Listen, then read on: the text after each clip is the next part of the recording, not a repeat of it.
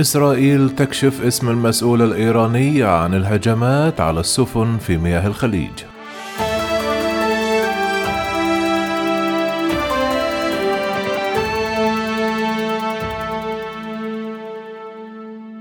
كشفت إسرائيل الأربعاء للمرة الأولى النقاب عن اسم الشخص التي قالت إنه المسؤول عن الهجمات على سفن نقل في المحيط الهندي. جاء ذلك في خطاب وجهه وزير الخارجية يائير لبيد والدفاع بيني جانتس إلى سفراء الدول الأعضاء في مجلس الأمن الدولي في جلسة إحاطة عقدت بوزارة الخارجية الإسرائيلية. وقال جانيتس أمير علي حاجي زادة قائد سلاح الجو في الحرس الثوري الإيراني يقف وراء عشرات الهجمات الإرهابية في المنطقة باستخدام الطائرات بدون طيار والصواريخ. وأشار إلى أنه ولأول مرة على الإطلاق سأكشف أيضا عن الرجل المسؤول المباشر عن إطلاق الطائرات بدون طيار الانتحارية.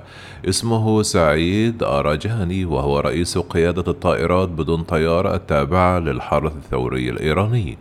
وتابع جانيت نفذت قيادات الطائرات بدون طيار الهجوم على سفينة ميرسر ستريت سعيد أراجاني يخطط ويوفر التدريب والمعدات لتنفيذ هجمات إرهابية في المنطقة. وأردف قائلا لقد أثبتت إيران مرة أخرى أنها تمثل تحديا عالميا وتحديا إقليميا وأيضا تحد لدولة إسرائيل. إيران مسؤولة عن عشرة الهجمات الإرهابية في جميع أنحاء الشرق الأوسط بينما تسيطر على وكلائها في اليمن والعراق ودول أخرى. وأضاف لقد انتهكت إيران جميع المبادئ التوجيهية المنصوص عليها في خطة العمل المشتركة الشاملة ولا يزال أمامها حوالي عشرة أسابيع فقط من الحصول على المواد الصالحة لصناعة الأسلحة اللازمة لصنع سلاح نووي. حان وقت الأفعال. الكلمات لا تكفي لقد حان الوقت للقيام بأعمال دبلوماسية واقتصادية وحتى عسكرية. وإلا فإن الهجمات ستستمر.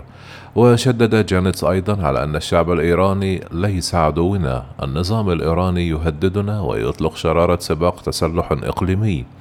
من جانبه قال وزير الخارجية الإسرائيلي إيرلبيد هذا ليس صراعا بين جيوش في سوريا. هذه ليست عملية سرية ضد منشأة عسكرية. هذا هجوم على طرق التجارة العالمية. هذا اعتداء على حرية التنقل. هذه عملية دولية. وتوجه إلى السفراء سؤالي لكم هو ما الذي سيفعله المجتمع الدولي حيال ذلك؟ هل لا يزال هناك شيء اسمه القانون الدولي؟ وهل لدى العالم القدرة وقوة الإرادة لفرضه؟ إذا كان الجواب نعم، يجب على العالم أن يتحرك الآن، وحذر من أنه إذ لم يرد المجتمع الدولي على هذا الهجوم، فلا يوجد شيء مثل المجتمع الدولي وبدلا من ذلك سيكون كل رجل لنفسه. جاء ذلك في بيان مشترك صدر عن لابيد وجانت خلال الأسبوع الماضي.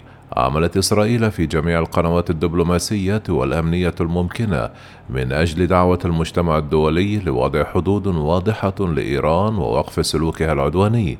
قال البيان إن إسرائيل ستحتفظ بحق التصرف بشكل مستقل في مواجهة أي اعتداء أو تهديد لمواطنيها وسيادتها، وشدد على أن الهجمات الأخيرة ليست جزءا من نزاع محلي أو ثنائي، بل هو هجوم على المجتمع الدولي ويجب على المجتمع الدولي التعامل معه على هذا النحو والرد. ولفت إلى أن مثل هذا الإجراء يتطلب الوحدة داخل المجتمع الدولي ويمكن اتخاذ إجراء من خلال مجلس الأمن التابع للأمم المتحدة أو أي إطار دولي آخر من شأنه أن يحاسب إيران على أفعالها.